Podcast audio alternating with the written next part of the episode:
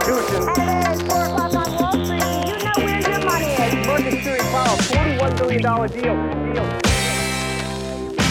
Då säger vi äntligen måndag och dags för investerarens podcast nummer 17 i ordningen.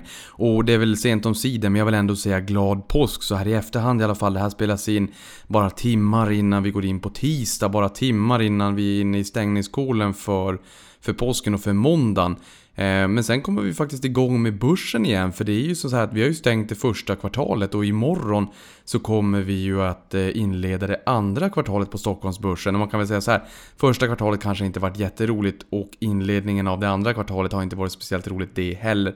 För det är nämligen så här att den amerikanska börsen smygbörjar redan idag den 2 april när vi håller stängt i Sverige så handlar man, eh, så håller man alltså börsen öppen i USA och där har det varit ganska kraftiga fall så att det vittnar väl lite grann om kanske hur det kommer se ut den första handelsdagen då på det andra kvartalet i Stockholm imorgon. Och jag hoppas ni har njutit av ledigheten här under påsken. Själv har jag råkat fylla 31 så att jag har varit iväg på en slalomresa med familjen och mina två bröder också.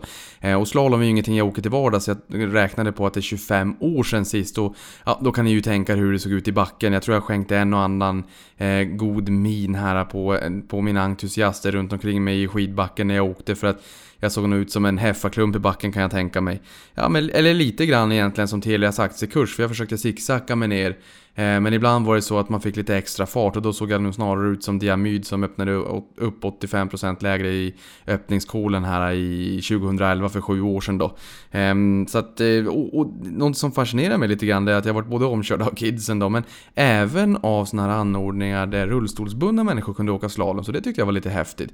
Eh, och tro att man är helt fast att säga i sin rullstol bara för att man är rullstolsbunden. Nej, det behöver man inte alls vara och man kan till och med köra bil också för där har vi Brown Ability i Investor som är ett bolag som specialanpassar fordon just om det är så att man har olika funktionsnedsättningar. Men jag tyckte det var extra intressant att se det här med rullstolarna i skidbacken. Ganska imponerande faktiskt. Och jag kan säga så här att varenda en åkte bättre än eh, vad jag gjorde.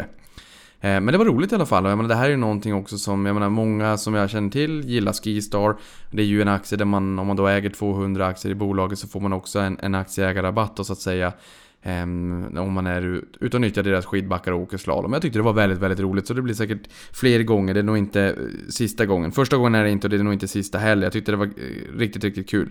Man får grotta ner sig i Skistar going forward också. Det här är, det är ett bolag som jag inte har i portföljen men det jag tycker är lite intressant med bolaget är att man har en liten vallgrav i termer av att man smackar inte bara upp en massa backar i Sverige, Norge och nu finns de ju även eh, söderöver så att säga. Det gör du ju inte bara över natt så det blir liksom en, lite grann som en naturlig vallgrav. Sen kan ju någon som sitter och lyssnar på det här tycka att hm, jo men Niklas du har inte åkt slalom och du vet inte hur det är. Nej det vet jag faktiskt inte.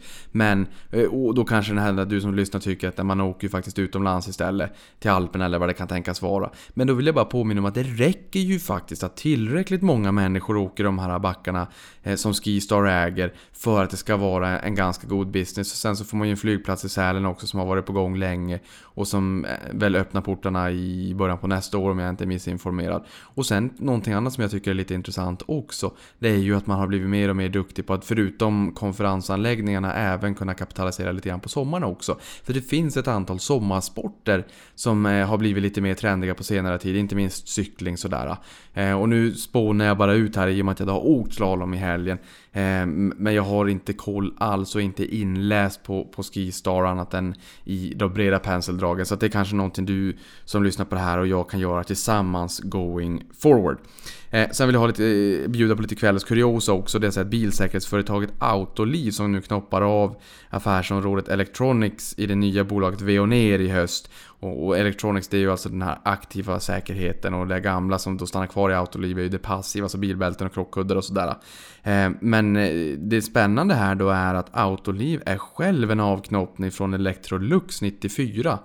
Eh, och Electrolux är ju någonting som vi idag förknippar med hushållsapparater men de har alltså knoppat av det vi idag ehm, har på börsen i termer av Autoliv, då bilsäkerhetsföretaget. Och det visste faktiskt inte jag, men jag älskar ju kuriosa.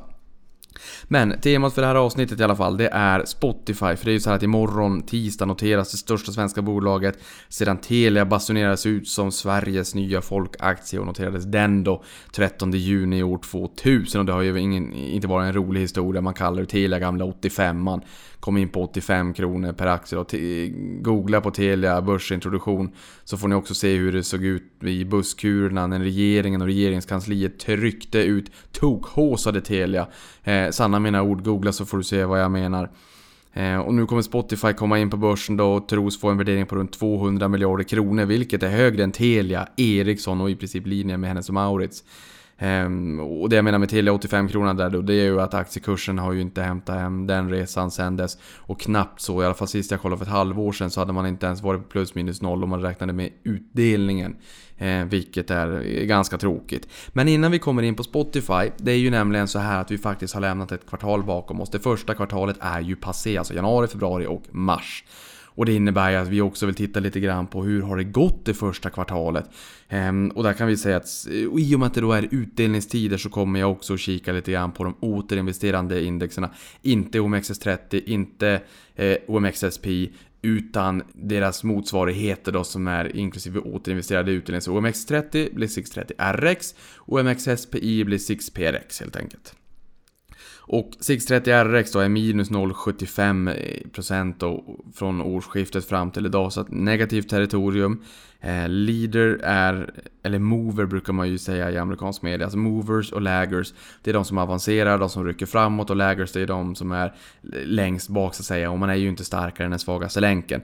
Men Swedish Match har gått upp 16,8% i år, så upp väldigt mycket. Det är den movern vi har i eh, 630 RX då. Och läger i det här fallet blir ju eh, Fingerprint som har backat 49% så att man har ju i princip halverat aktiekursen sen, vi, sen inledningen på det här börsåret då. Och tittar vi på Stockholmsbörsens breda index XPRX, alltså inklusive återinvesterad utdelning, så ligger vi på minus 0,47. Även den är alltså på minus. Eh, och där har vi Active Biotech som har mer än fördubblats i år och sen har vi Fingerprint. I och med att Stockholmsbörsen eller 6PRX det är ju alla 360 plus bolag. Då får vi Large Med och Small Cap och då får vi Fingerprint också. Och även där Ehm, så är det så tyvärr så att Fingerprint får ju pallplatsen, första platsen eh, även här då på, på nedgången på 49%, alltså nästan en halvering då. Sen har vi ju Dow Jones i USA som är eh, 30 bolag och egentligen de 30 viktigaste bolagen i USA får man väl säga. Dow Jones är ner 4,93% från årsskiftet och den movern som vi har där är Boeing. Boeing var upp eh, strax under 79, 89, strax under 90% i fjol.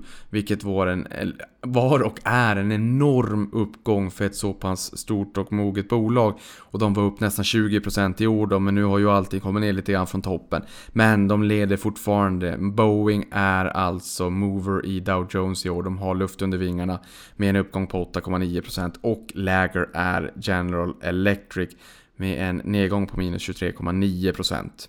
Sen har vi Nasdaq minus 0,70% från årsskiftet. De är i correction, alltså i en korrektionsfas. De har fallit mer än minus 10% från toppnoteringen.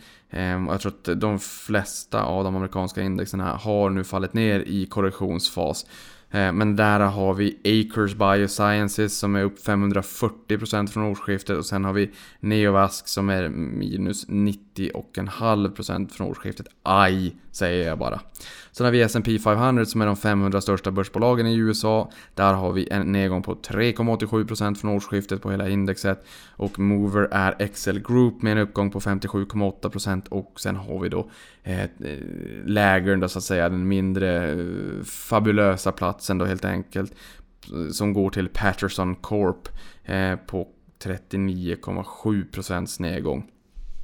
Sen vill jag också bjuda på nu då så att säga, i och med att det då ändå, ändå har gått ett kvartal, det är ju lite grann som att fylla 20, 30, 40 eller 50, då vill man ju titta på börsens värdering också. Eh, OMXS30 värderas till 15,1, det här är P tal jag pratar om. 15,1 gånger årsvinsten för 2018 expected, alltså förväntat innevarande år i år. Eh, och 14,2 2019 expected. Eh, och sen så har vi en eh, direktavkastning på 4,5% på Stockholmsbörsen. Eh, och det här är ju också ganska intressant, för jag brukar säga att 100-årssnittet ligger på runt 14-15 p-talsmässigt på Stockholmsbörsen. Och här ligger vi ju på års, 100-årssnittet. Sen har jag sagt det förut, jag säger det igen, jag vet inte riktigt vad värderingarna på bolaget för 100 år, år sedan säger för värderingar på börsen idag. Men likväl så är det fortfarande ett snitt. Vi är alltså varken billiga eller dyra. Jag har sagt det förut, jag säger det igen, även här då. Vad är billigt, vad är dyrt? P8 under finanskrisen, vi var nedtryckta i skosulorna, det är billigt. P27 på nästa års förväntade vinst eh, som vi hade år 2000 när allt var eh, underbart och vi hade en, en IT-yra och allt var, eh, jag vet inte vad, guld och Eh, röda rosor eller vad man ska säga, om alla tassade på, på rosa moln på börsen så hade vi alltså en, en värdering på 27 på nästa års förväntade vinst. Det är skyhögt. Men nu är det varken billigt eller dyrt. Men vi ska också komma ihåg att det finns vissa bolag och vissa sektorer som trycker ner värderingarna lite grann och även trycker upp direktavkastningen. Och banksektorn är en sån som trycker ner värderingen lite grann och som trycker upp direktavkastningen. Värderingarna ligger väl på en P 11, 12, 13 kanske och direktavkastningen ligger ju över 6% på de flesta bankerna. Så ha det i åtanke och när man tittar på bolag så får man ju helt enkelt titta på hur värderas just det här specifika eh, bolaget. Så vill du köpa en aktie så ska du inte titta på index och på börsen utan då får du titta på det specifika bolaget. Och hur gör man det då? Jag brukar gå in på 4-traders.com, 4traders.com, sök på bolagsnamnet och sen så klickar du in på financials efter att du har tryckt på, på bolagsnamnet. Då ser du P talsvärderingen både för 2018 och även för 2019 nästa år då. I och med att vi är inne mitt i snart, eller i alla fall första kvartalet passerat på 2018 så då börjar man allt mer titta på nästa års vinst och eh, de siffrorna kommer från eh, Thomson Reuters, så att in och kika där helt enkelt. Ehm, sen har vi Russell 2000 som är småbolagen i USA. Det gick upp ganska mycket när vi fick då eh, vetskapen om skattereformen och de har ju sprungit upp ganska mycket på förhoppning om att just skattereformen ska påverka de här mindre bolagen eh, i, i, i positiv riktning. Alla bolag såklart, men de mindre bolagen kanske ändå mer. Ehm, så där har vi en P talsvärdering på framåtblickande 12 månader på 25,3. Ehm, det är lite högt. Eh, och det vill ju till sägas att säga att vi också ser en, en vinsttillväxt materialiseras, men även om vi gör det så är alltså det framåtblickande P talet på 25. Det är ganska högt. Sen har vi Nasdaq 100, alltså de 100 största börsbolagen i Nasdaq X Financials, alltså exklusive finansbolag, som har ett P-tal på 19,9 och S&P 500 då på 16,8. Men hörni, nu ska vi gå in på dagens tema och det är ju Spotify de gör ju en direktlistning imorgon tisdag då. Så jag tror att de allra flesta biter lite grann på naglarna. Nyse, New York Stock Exchange är ju en av två börser i USA, den andra är ju Nasdaq som har då Investor, svenska Investor som största ägare. Eh, största institutionella ägare och största ägare tror jag nog det blir också. Ehm, det är nog många där, tyvärr så gick det inte till Sverige och Nasdaq då så att säga, men det är nog många som biter på naglarna lite grann och, och hoppas på att den här noteringen blir bra, inte minst vi i Sverige, för det här är ju som sagt största noteringen av ett svenskt bolag sen Eh, sen IT-yran och sen Telia då. Så att det, det, är klart att det är viktigt att det här blir bra. Men det här med direktlistningar är ju inte så vanligt för det innebär ju helt enkelt att det är inget vanligt förfarande. Man tar inte in nya pengar, man säljer inte ut befintliga aktier. Utan man säger bara så att vi vill eh, lägga upp den här post-it-lappen med, med eh, Spotify med namnet på eller spot som blir ticken då, eller kortnamnet. Eh, för att de som äger aktier redan i Spotify ska kunna köpa och sälja, alltså ska kunna handla aktien. Och det här är ett ganska ovanligt förfarande och det här är ju ingenting som Nyse heller kanske egentligen vill att det ska bli på det här sättet. Och det har ju blivit billigare för bolaget även om jag har hört siffror på runt 600 miljoner kronor. Alltid allt är relativt, men det är billigare än vad en vanlig introduktion här i USA brukar kosta. Och jag har faktiskt varit med om ett bolag som har gjort en sån här direktlistning och det var Brinova i Stockholm där jag var med på eh, börsintroduktionen när de ringde i klockan och sådär. Och det var ju ingen ljuv eh, historia för att det var avslut som gjordes jättehögt upp och sen så såg det ut som att aktien kraschade. Eh, men det var ju liksom så att säga även där då. Man tog inte in några nya pengar och man sålde inte ut några aktier utan man, man listade aktien helt enkelt.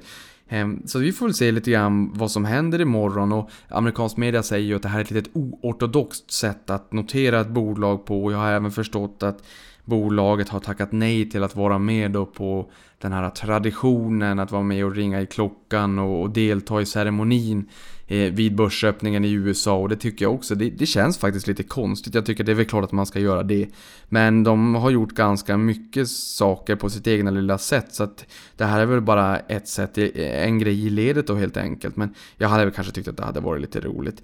Ehm, däremot så är den här typen av förfarande mer vanligt när det kommer till avknoppningar eller spin-offs. Ungefär som jag sa här alldeles nyss då med Autoliv då som eh, delar upp bolaget i två delar. Dels Autoliv, den gamla passiva säkerheten med krockkuddar och bilbälten och sen så Electronics affärsområdet då som blir aktiv säkerhet som blir en, en spin-off och noteras på börsen den också. Då blir det ju inte så att man säljer ut några aktier så, så att säga eller tar in nya pengar utan den där delar man ju som bara upp och särnoterar och det var egentligen samma sak SCA och Essity. Det är ju två bolag då, eh, numera också så att säga men de kommer från en och samma företagsgrupp från början. Så där är det vanligare faktiskt just med de här ehm, eh, direktnoteringarna eller vad man då ska säga. Sen påpekade Wall Street Journal också att volatiliteten vid börsintroduktionen kan komma att vara hög. Ehm, då det här inte är en vanlig IPO då som vi har sagt, då tillhör det klassiska stabiliseringsåtgärder som brukar finnas just vid en vanlig börsintroduktion. Ehm, däremot så verkar det som att Morgan Stanley och Citadel Securities ska agera market makers och säkerställa att det finns eh, vettiga kurser med en någorlunda eh, tight spread också här så att det, det inte blir eh, hej kom, hej kom och hjälp eller hej kom bacon vid börsintroduktionen. Ehm, och jag var in lite grann på Finansinspektionens hemsida här i Sverige och då fanns det en rapport från 2007 som pratar om att i samband med IPOs eller börsintroduktioner då så är det vanligt att värdepappersinstitut hjälper till så att inte aktiekursen avviker alldeles för mycket från teckningskursen. För man vill ju, dels när det är en börsintroduktion så vill man att det ska bli en bra start. Man vill ju att aktien ska stiga. Allting annat är ju falsarier helt enkelt. Sen vill man inte att aktiekursen ska stiga alldeles för mycket. För det kommer ju innebära att man frågar rådgivarna lite grann att hmm, satte vi fel pris på den här börsintroduktionen? Så att den får inte stiga alldeles för mycket men den ska ju inte falla heller för att det är inte roligt att bli ihågkommen för en, en riktig kalldusch vid börsintroduktionen. Så den ska stiga men den ska inte stiga för mycket. Eh, och därför brukar man då använda värdepappersinstitut eh, som ska stabilisera kursen här eh, så att den inte avviker alldeles för mycket från teckningskursen. Eh, och för att försäkra sig om det här så gör man kursstabiliserande åtgärder de första handelsdagarna för att motverka negativa förändringar i marknaden eller onormala beteenden hos kortsiktiga investerare. Och då kan man ju tycka att hmm, är inte det här lite konstigt? Det här låter som att det inte riktigt är helt lagligt att göra så här. Ehm, och, och menar, man har ju vetskap om att man kommer att hålla en aktiekurs under armarna och det är ju inte rätt pris i förhållande som, var, som skulle eh, vara fallet i en marknad där man låter marknadskrafterna dominera, alltså utbud och efterfrågan. Och det är faktiskt, det är ju korrekt.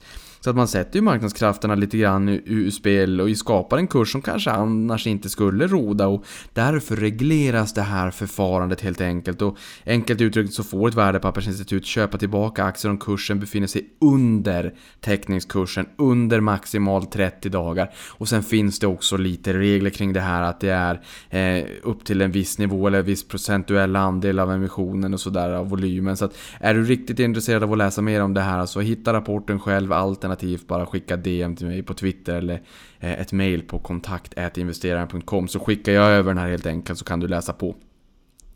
Eh, men i Spotifys fall då så är det uppemot 91% av kapitalet i bolaget som är berättigat för handel initialt. Men floaten, och floaten alltså det är hur stor andel av kapitalet i ett bolag som är ute på marknaden och omsätts på regelbunden basis. Eh, och den bedöms väl vara närmare två, två tredjedelar av aktierna, så runt 66% av aktierna. Eller ja, 66% för att vara väldigt specifik. Men ungefär två tredjedelar i alla fall. Och intressant eh, är att floaten i sådana fall är dramatiskt högre än snittet sedan 1995 där siffran är runt 35% och det innebär att när man då börsnoterar ett bolag i USA så är det normalt att runt 35% av bolagets aktier bjuds ut och säljs på marknaden och ingår i free floaten då som handlas på regelbunden basis. Men tittar vi på techbolag, för det här är ju Spotify är ju ändå ett techbolag så är den siffran 27% istället. Så att två tredjedelar i förhållande till 27%, ja det är ju betydligt mycket högre än snittet helt enkelt.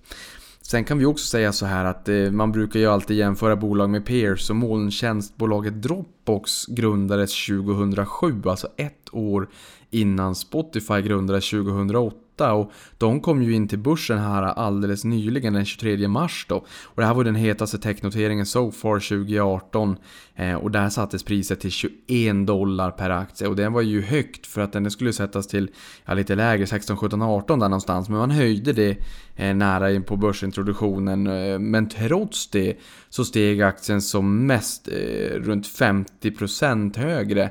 Eh, för att sen då stänga på fredagen den dagen till en kurs som var 36% högre än eh, introduktionskursen på 21 dollar per aktie. Eh, och innan det så var det ju Snap då, som moderbolaget till Snapchat som kom till börsen den 2 mars 2017 till 17 dollar per aktie då. Och där dagen efter då toppade de på 29 dollar och 40 cent, vilket är 73% högre då. Eh, och idag står den i 1467, det vill säga 50% minus då från all time high nivån eller strax under 14% minus från eh, börsintroduktionen.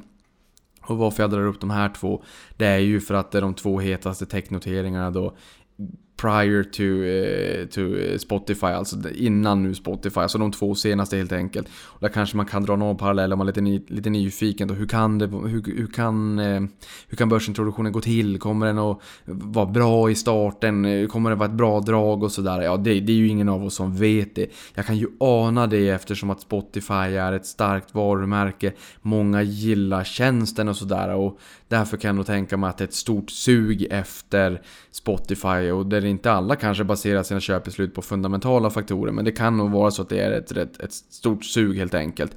Ehm, och i det här fallet så Dropbox då som kom in till börsen alldeles nyligen De genererar inte heller någon vinst för det gör inte Spotify, det, gör inte, det gjorde inte Dropbox heller nu när de kom in alldeles nyligen då Men däremot så har de ett positivt kassaflöde och det har också Spotify. Så att det är någonting som de har gemensamt. Och då kan vi gå in lite grann på hur går det för Spotify just nu? Ja, det här är ingen uttömmande analys, men jag har ändå eh, fått lite kött på benen så att säga och blivit lite klokare nu här inför podden.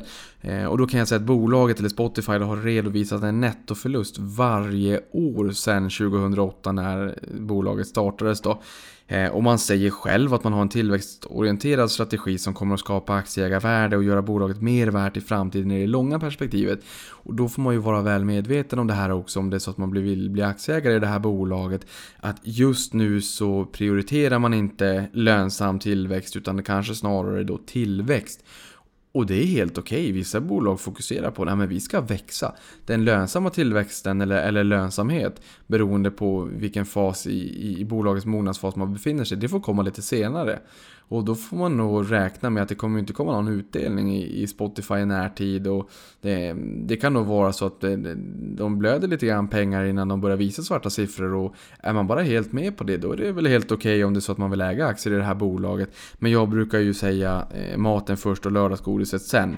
Eh, så att även om man gillar Spotify som tjänst så ska man i alla fall fundera en gång extra om det är så att det här bolaget passar i den investeringsstrategin och den portföljen man har. Sen kan det mycket väl vara så. Fine, då är det bara att tuta och köra.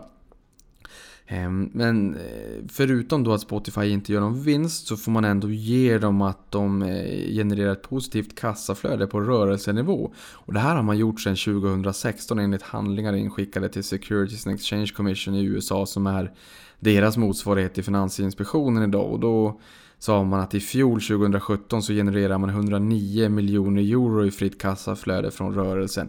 Det vill säga att man tar alltså inte hänsyn till investerings eller finansieringsverksamheten utan rörelsen, alltså det själva det operativa bolaget. Vad genererar det för kassaflöde? Eh, skillnaden mellan in och utbetalningar på kontot så att säga. Det genererar pengar, slantar på, på kontot för dem. Eh, och när man kikar på den här typen av bolag så att en av de viktigaste parametrarna, om inte den viktigaste parametern för just streamingbolag, är generellt sett antalet abonnenter och alltså då främst betalande användare. Eh, I och med att de är mer lönsamma än gratisanvändare och intjäningen är normalt sett Eh, högre än de kunderna som då eh, genererar intäkter i form av reklamintäkter. Alltså har du ett Spotify-konto och betalar premium 99 kronor i månaden, ja men då är du ju en mer lönsam kund än om du har gratis, gratisversionen och lyssnar på reklam. Även om, om man får intäkter från båda källor så att säga, men man har ju också kostnader för eh, kunderna. Man, även om det är så att man lyssnar på reklam. Så för varje låt du spelar så är det klart att det tingar ju också en kostnad. För någon ska ju ha betalt för att den där låten spelas i slutändan också.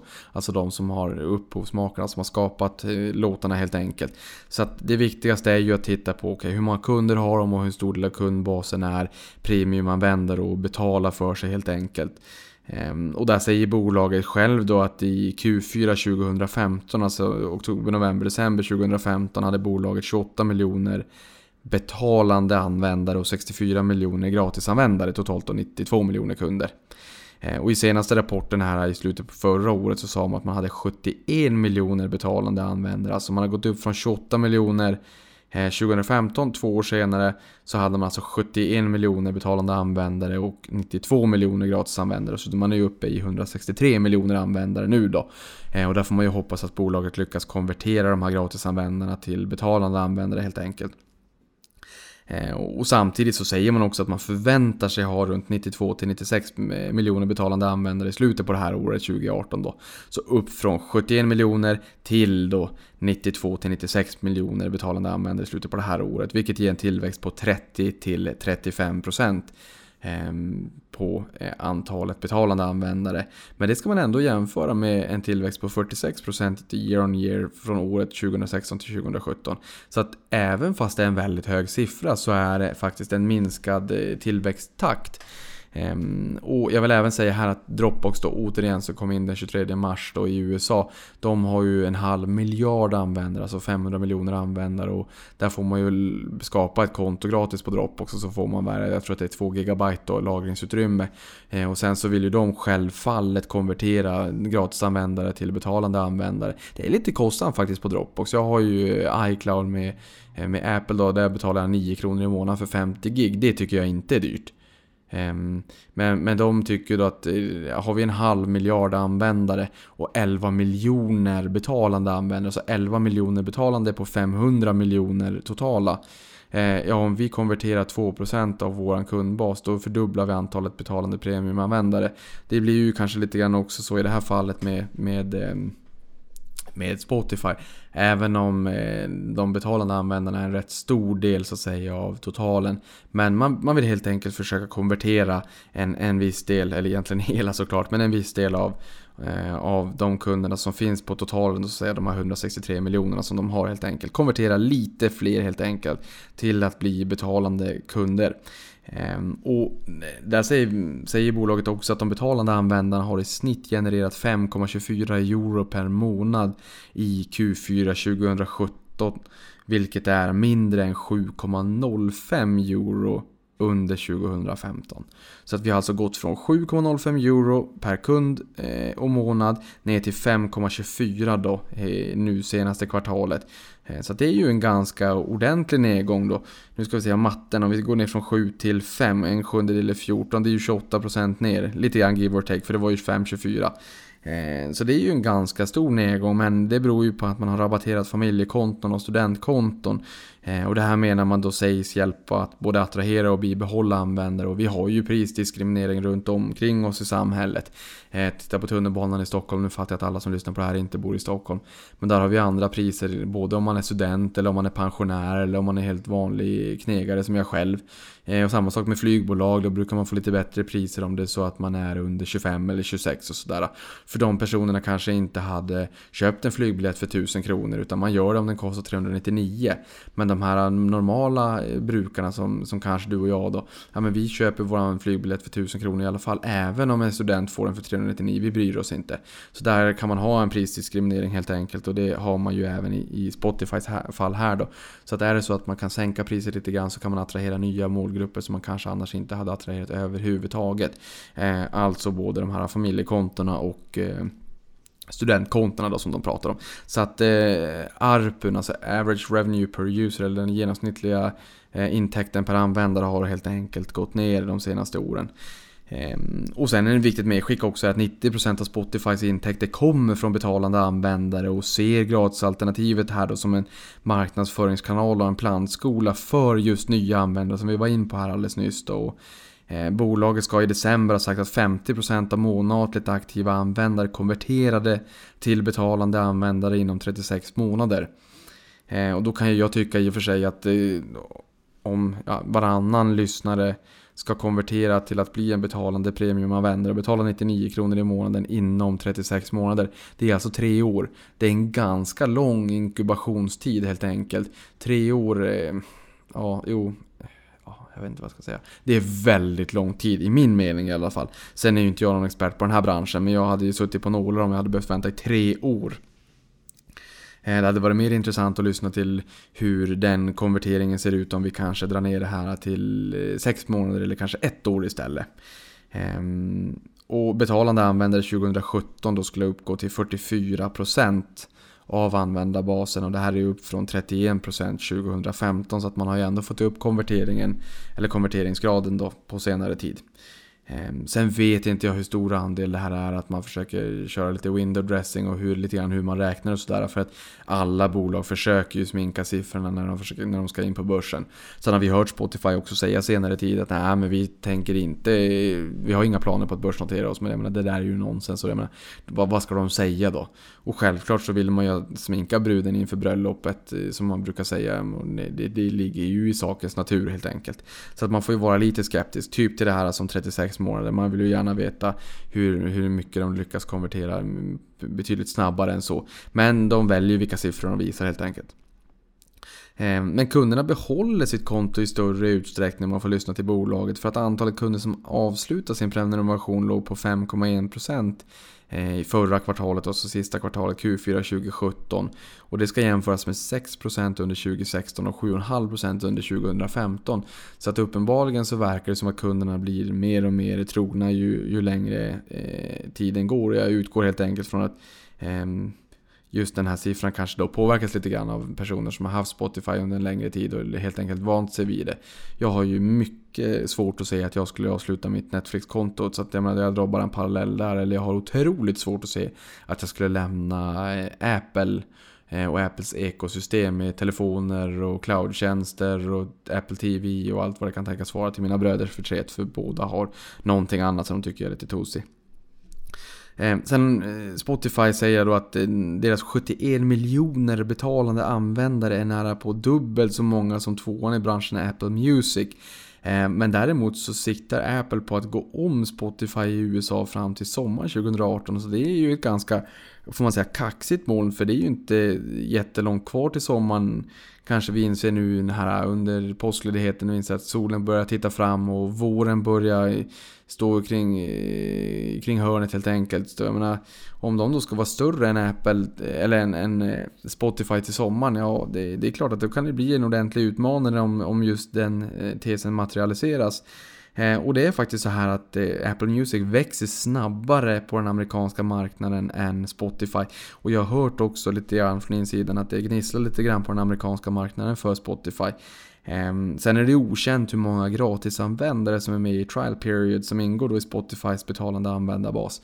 Vilket innebär att när de säger att man har 71 miljoner betalande användare så räknar man även med de personerna som har en testperiod. Och jag menar, vad hade man gjort ifall det så att man skulle in på börsen? Jo, man smetar alldeles utomordentligt många användare med riktigt bra deal för att få in så många användare som möjligt i den här testperioden för att kunna visa på fina och hyggliga siffror.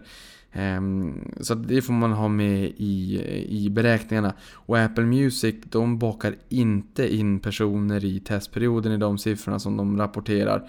Ehm, så att Spotify 71 miljoner betalande användare, ungefär dubbelt så många som vad Apple Music har. Eh, Spotify bakar in människor som befinner sig i testperiod som kanske inte blir betalande abonnenter efter att testperioden löper ut. Apple Music gör det inte. Eh, vilket gör att eh, skillnaden mellan de här två tjänsterna och aktörerna kanske inte är fullt lika stor i alla fall. Sen som jag förstår det så är det också så att Amazon eh, eh, inte, är, eller inte ska underskattas.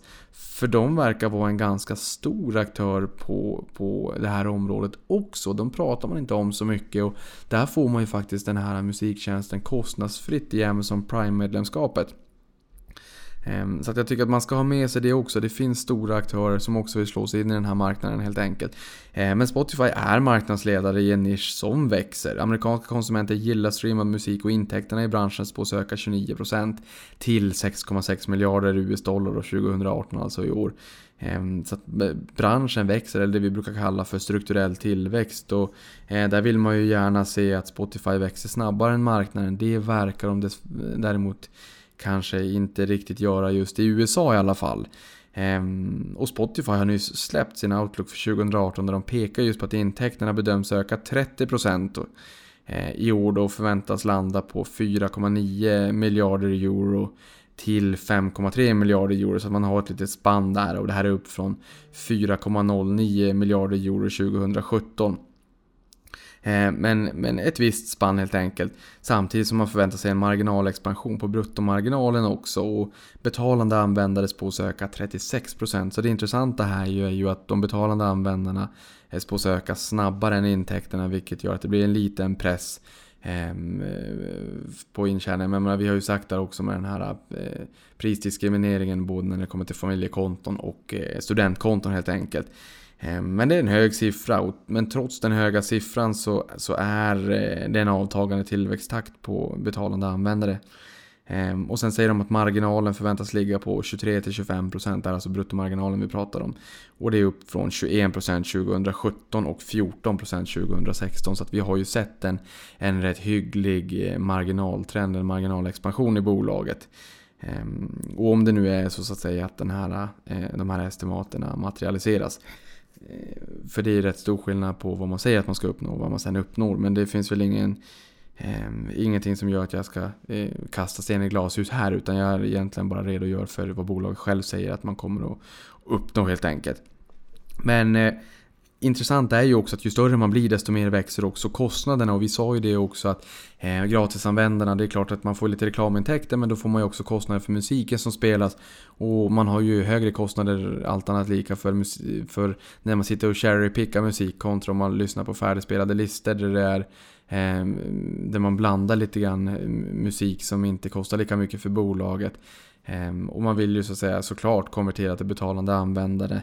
Ehm, men jag menar, gratisanvändare det, det kostar helt enkelt och det är ju någonting som kanske tarvar lite marginal också. Och det jag menar med det är att ju större man blir desto mer växer ju också kostnaderna och Spotify måste ju betala till skivbolagen varje gång en låt spelas vilket gör att ju populärare tjänsten blir desto svårare blir det att vända till vinst och eh, om det är så att det är vissa låtar som blir riktiga hits och det spelas eh, gång på gång på gång på gång och blir såna här riktiga sommarplågor. Jag menar, det är klart att då, väl, då, då, kostar det ju mer än om man väljer någon gammal låt som kanske då inte kostar lika mycket för bolaget helt enkelt. Eh, och det här är ju skillnaden gentemot kanske Netflix som är eh, streamad, ja det vet ni ju vad det är så att säga, men streamad film och sådär. För de köper ju loss eh, innehåll och tjänar ju pengar ju oftare innehållet streamas. För jag menar, de vill ha in också nya användare så att säga och kan ju locka med att titta vi har det här och det här och det här och det här och in och titta. Och går du in och tittar, jag menar, ju, mer, ju fler gånger någonting spelas, i teorin i alla fall, desto, desto lägre blir ju styckkostnaden för, för det som spelas. Men eh, för Spotifys del, de måste ju betala varje gång en låt spelas helt enkelt. Ehm, så att eh, viktigt att, att titta på, förutom konkurrenterna Apple Music, Amazon. Amazon är en viktig konkurrent. Det pratas inte lika mycket om den. Ehm, det man bör ha koll på här är, det är ju antalet användare, eh, betalande användare och hur ARPen utvecklas över tid också. Alltså average eh, revenue per user, alltså den genomsnittliga intäkten per användare. Men vi ska även ta in en lyssnarfråga. Den har kommit från Tommy Sollen på Twitter och han frågar så här. Hallå investerare, det här är Tommy Sollen på Twitter. Jag har en Spotify-fråga. Nu kommer de ju direkt in på börsen. Ingen vet vad priset kommer vara. Men när en eh, normal snubbe som jag har chans att köpa på börsdagen, första börsdagen.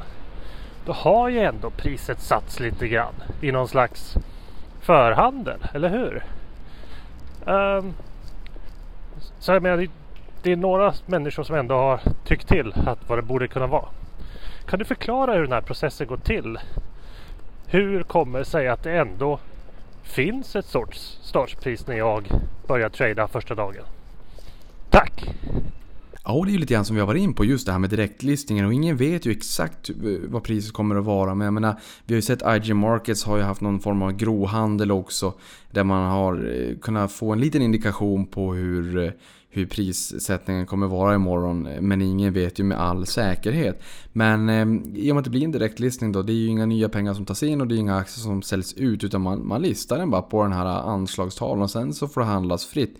Men de kommer ju att använda Eh, både Morgan Stanley och Citadel då som någon form av market maker som ska försöka se till att det inte blir Hacon Bacon som sagt. Men i vanliga fall så har man ju även då Eh, de här stabiliseringsåtgärderna för att se till att stötta kursen lite grann. Men jag menar, eh, i takt med att man kommer öppna börsen imorgon och att den här aktien då noteras så kommer det bli ett första avslut. Alltså en första köpare och säljare som möts. Och det blir ju helt enkelt det första priset som, som aktien handlas till. Och i Sverige en kvart innan börsen öppnar i normala fall då, så har man ju en, en, ett auktionsförfarande där man viktar köpare och säljare för att få en bra volymvägd nivå där man tycker att ja, men här, här är det priset som eh, alla köpare och alla säljare bör mötas om vi, om vi försöker utmäta ett, ett eh, eh jämviktspris helt enkelt. Men det kan bli lite stökigt och det är precis det som Wall Street Journal också skrev att det kan bli lite stökigt när det är, den här typen av noteringar. Men jag menar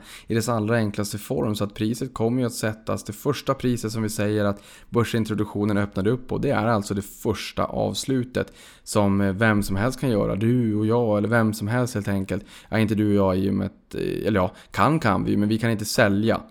I och med att vi, inte har fått någon tilldelning på aktier utan de sitter ju hos befintliga aktieägare.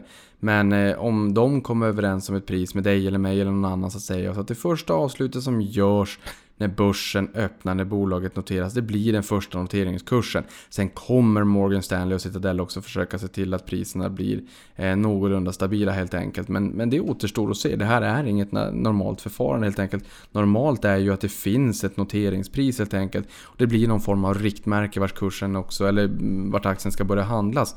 Så att det leder ju till att de här bolagen får lite mera huvudbry, lite mera fundering kring vad är rätt pris helt enkelt? Var, var, ska vi öppna upp? För att det blir inte samma riktmärke som om man hade haft ett, ett ett pris helt enkelt vid introduktionen. Och sen har jag några frågetecken att bjuda på här också och det är ju den första är väl, eller som man åtminstone ska fundera på innan man köper den här aktien. Ehm, och det är väl den första, Daniel Ek då, vdn har ingen lön men däremot så finns ju incitamentsprogram. Men villkoren i de här programmen är inte publikt kända vilket är lite konstigt. Och där har ju investerarkollektivet också försökt att ja, jo men vi vill ju som veta det här. Men där har man försökt lägga locket, locket på. Så det är ju det är den första ehm, som man bör ha kännedom om i alla fall. Att man inte riktigt har stenkoll. Sen har ju Telia sålt sina aktier och avslutat sitt strategiska samarbete med eh, Spotify då. Och hur stor katalysator som eh, det här samarbetet har varit för nya lyssnare, ja det vet jag ju inte. Men de säger att de har 71 miljoner eh, betalande användare och det är ju inte så många som Telia når ut till självfallet. Men Telia har ju både sålt hela sin, sin stek i Spotify och då även avslutat samarbetet. Sen har jag också förstått att företagskulturen sägs ha skadats lite grann och att bolaget känns mer amerikaniserat med allt vad det innebär. Eh, och det har även funnits en del frågetecken internt ehm, där man har liksom den tidigare personalen som har flaggat upp de här frågetecknen lite grann har fått sluta och där har man ersatt de här med ett flertal nya individer i USA istället och att företagskulturen har blivit mer och mer amerikaniserad och hierarkisk. Eh, och jag menar, ni, ni, vet ju att jag är ju väldigt eh, inkörd på det här med företagskultur och tycker att det är otroligt viktigt. Så det är ju bara en sån där varningsklocka eller varningssignal som jag också tycker att man bör ha kännedom om. Och de här problemen ska ha sopats lite grann under mattan. Sen behöver inte det betyda någonting men det finns där som en liten, en liten eh, gruskorn i skon helt enkelt. Ehm, så att, ja, vettigt att känna till i alla fall. Sen har vi kontraktsbiten också som är ett gissel och stämningar kommer regelbundet i branschen. Så det är väl inga konstigheter. Vi fick ju en stor här som kom nyligen för en tid sedan. Men det är ganska vanligt och oftast så eh, brukar man eh, nå en förlikning helt enkelt. Man brukar räkna på hur mycket det kostar att dra det hela vägen med advokater och rättegångskostnader och allt vad det är. Och oftast brukar det förlikas så som jag förstår det. Ehm, men eh, de här rättigheterna är dåligt dokumenterade och det kan ju också vara lite grann en tickande bomb. Vad finns det för rättigheter kan det vara så i framtiden att det kommer någon med, med anspråk eh, som kanske också visar sig ha rätt till de här anspråken som vi inte känner till idag. Eh, som sagt, de är dåligt dokumenterade eh, och det är ett, ett litet orosmoment i alla fall.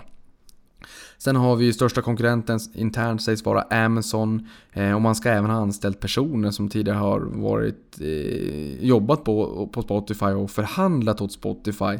Samt att Prime Music är gratis med Prime då, så att det är ju såklart som vi har sagt här tidigare, det är en viktig konkurrent som man inte ska glömma bort. Ehm, och sen har vi sett ARPUN, alltså Average Revenue Per User, eller eh, den genomsnittliga intäkten då per användare som sjunker. Ehm, och även då priset i Brasilien är lågt och det påverkar ju ARPUN då på totalen också. För det är nämligen så här att en stor del av tillväxten på senare tid ska ha skett i just Brasilien. Och där är alltså intjäningen eh, lägre. Det påverkar den genomsnittliga intäkten per kund. Eh, och sen ska det också vara lite grann som jag förstått, det ska finnas lite gnissel i USA. Samtidigt som, eh, där man då, eh, som jag förstår det, växer lite, lite saktare än marknaden. Och Eh, Apple växer ju snabbare än Spotify i USA och har ju sagt att de ska gå om Spotify till sommaren. Det återstår ju att se. Eh, sen är ju, som det verkar också så att Apple och Amazon har väldigt lojala kunder. Jag kan ju bara säga att jag är en lojal kund till Apple och jag hade förmodligen varit en lojal kund till Amazon också om de hade gjort sitt intåg i Sverige eller när de gör sitt intåg i Sverige. Sen någonting som är ännu viktigare skulle jag vilja säga, det är väl att bolaget flaggar för att man inte kan få ut uträkningar till skivbolagen. Eh, och, riktigt, och, och, att det där är ett orosmoment. Man är inte helt säker helt enkelt om man betalar för mycket eller för lite. Och det där kan ju också vara lite grann tickande bomb. Eh, och man har skickat in handlingar till Securities and Exchange Commission, alltså Finansinspektionen i USA. Där man på sidan 25 i det här eh, dokumentet skriver så här. Eh, ursäkta min engelska.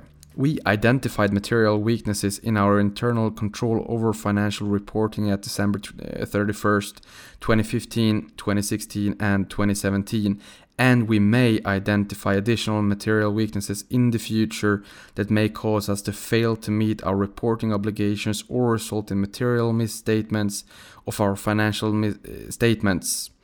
If we fail to remediate any material weaknesses, or if we otherwise fail to establish and maintain effective control over financial reporting, our ability to accurately and timely report our financial results could be adversely affected. De orden, om ni förstod min engelska, mm, kan nog vara ganska viktiga att ta med sig också. Man menar helt enkelt på att man har inte riktigt stenkoll på om eh, Ehm, om siffrorna är korrekta för de senaste tre räkenskapsåren. Ehm, det bör vara en ganska stor varningsklocka. Så att det tycker jag, ha med den. Sen eh, när jag lyssnar på den här podden så jag menar varken bu eller bä, jag menar varken köp eller sälj och det är inte mitt jobb heller utan jobb, det får ni eh, fundera lite grann kring själva. De bästa besluten är de som man tar själv för då sover man godast om natten. Men eh, i och med att de inte tjänar några pengar, de är kassaflödespositiva förvisso, men tjänar inte riktigt pengar på sista raden. Eh, det finns vissa frågetecken i bolaget och sådär.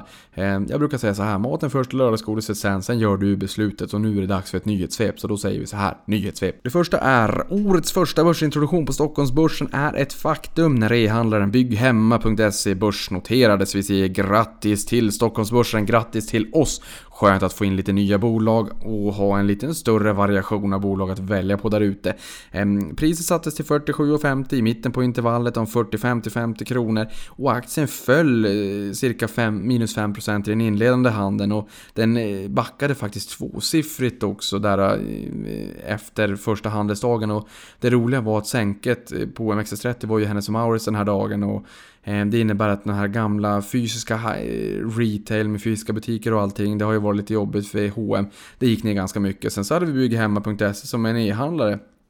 Gick också ner jättemycket. Eh, jag vet inte om det är torr humor eller Göteborgs humor, men jag tyckte att det var lite, lite festligt i alla fall. Eh, eller ja, festligt är det väl inte, men det var lite kul att se. Eh, sen har vi Telia som har sålt alla sina aktier i Spotify då, som jag har varit in på tidigare innan börsnoteringen på Nyse. Eh, och försäljningen ska inbringa 2,3 miljarder kronor vilket är 2,5 gånger det investerade kapitalet och man ville inte spekulera i IPOn. Eh, och dessutom ska eh, Spotify och Telia då ha avslutat sitt strategiska samarbete. Telia är upp 7,28% year to date. Eh, plötsligt händer det. Eh, sen eh, är det kanske så att jag menar, det, det här är en efterlängtad IPO. Den kanske kan starta ganska bra. Man har såg att både Snap och Dropbox, de två föregående technoteringarna i fjol och eh, här för några veckor sedan startade väldigt bra. Men Telia ville så att säga alltså inte eh, spekulera i hur det skulle gå då. Sen har vi Nvidia som inte ens är i närheten av att lyckas möta efterfrågan på grafikkort enligt vdn Jen Sung Huang. Ehm, Eh, och där säger man att mining av kryptovalutor har lett till att företag och användare har köpt upp stora volymer och man är lite besviken över att man inte lyckas leverera till gamersna där ute för man, det, man vill ju verkligen göra det. Eh, det är klart att man kan ju tycka att ja, men det spelar väl ingen roll så länge man bara säljer sina produkter och sådär och tjänar sina pengar men samtidigt så har man ett varumärke och rykte att tänka på också. Man vill ju inte göra sina kunder, trogna fans eller vad man får säga, besvikna. Ehm, så det här blir ju lite jobbigt för dem och jag har förstått att även eh, AMD har det här problemet också. Nu är väl i min mening AMD kanske snarare processorer. Ehm, men likväl. Ehm, sen har vi norska Tomra som har sina returmaskiner runt om, alltså pantmaskiner man pantar burkar. Sen har de sorteringsmaskiner också. Ehm, men mest känd är man kanske när man är och pantar burkar. Och Latour är ju största ägare i det här bolaget faktiskt. Och det är eh, Latours enda utländska innehav dessutom. Men Tomra steg om 9,6% förra veckan efter att Storbritannien nu ska införa pantsystem. Eh, och aktien har pinnat på 80, 82% senaste året och 24% year to date. Så det har varit en riktig fart, det har varit riktig eld i baken på det här bolaget. De pantar på vidare helt enkelt. Sen har vi börsoperatören Nasdaq med Investor som största ägare som höjer sin utdelning med 16% vilket ger en direktavkastning på 2,1. Det är ju typiskt amerikanska bolag att man har rätt hygglig utdelningstillväxt men man har ganska låg direktavkastning i absoluta tal. Eh, och sen så sist men inte minst, för nu det varit ett ganska långt avsnitt så att ehm, eh, Eh, det blir lite kortare nyhetssvep, men Phoenix Outdoor förvärvar det amerikanska bolaget Royal Robins som är verksamma inom kläder för resande och friluftsliv grundat 1968. Och bolaget ska ha en stark position på den nordamerikanska marknaden. Ehm, så det var allt för allt helt enkelt. Jag tycker det skulle vara jättekul om ni under hashtag prata pengar imorgon tisdag kommenterar om det är så att ni kommer att köpa eller inte i den hett efterlängtade introduktionen av Spotify. Ehm, och där sätter jag punkt Alldeles oavsett hur ni gör, stort lycka till och avkastning på er. Så hoppas vi på en riktigt härlig börsvecka. Tack för mig.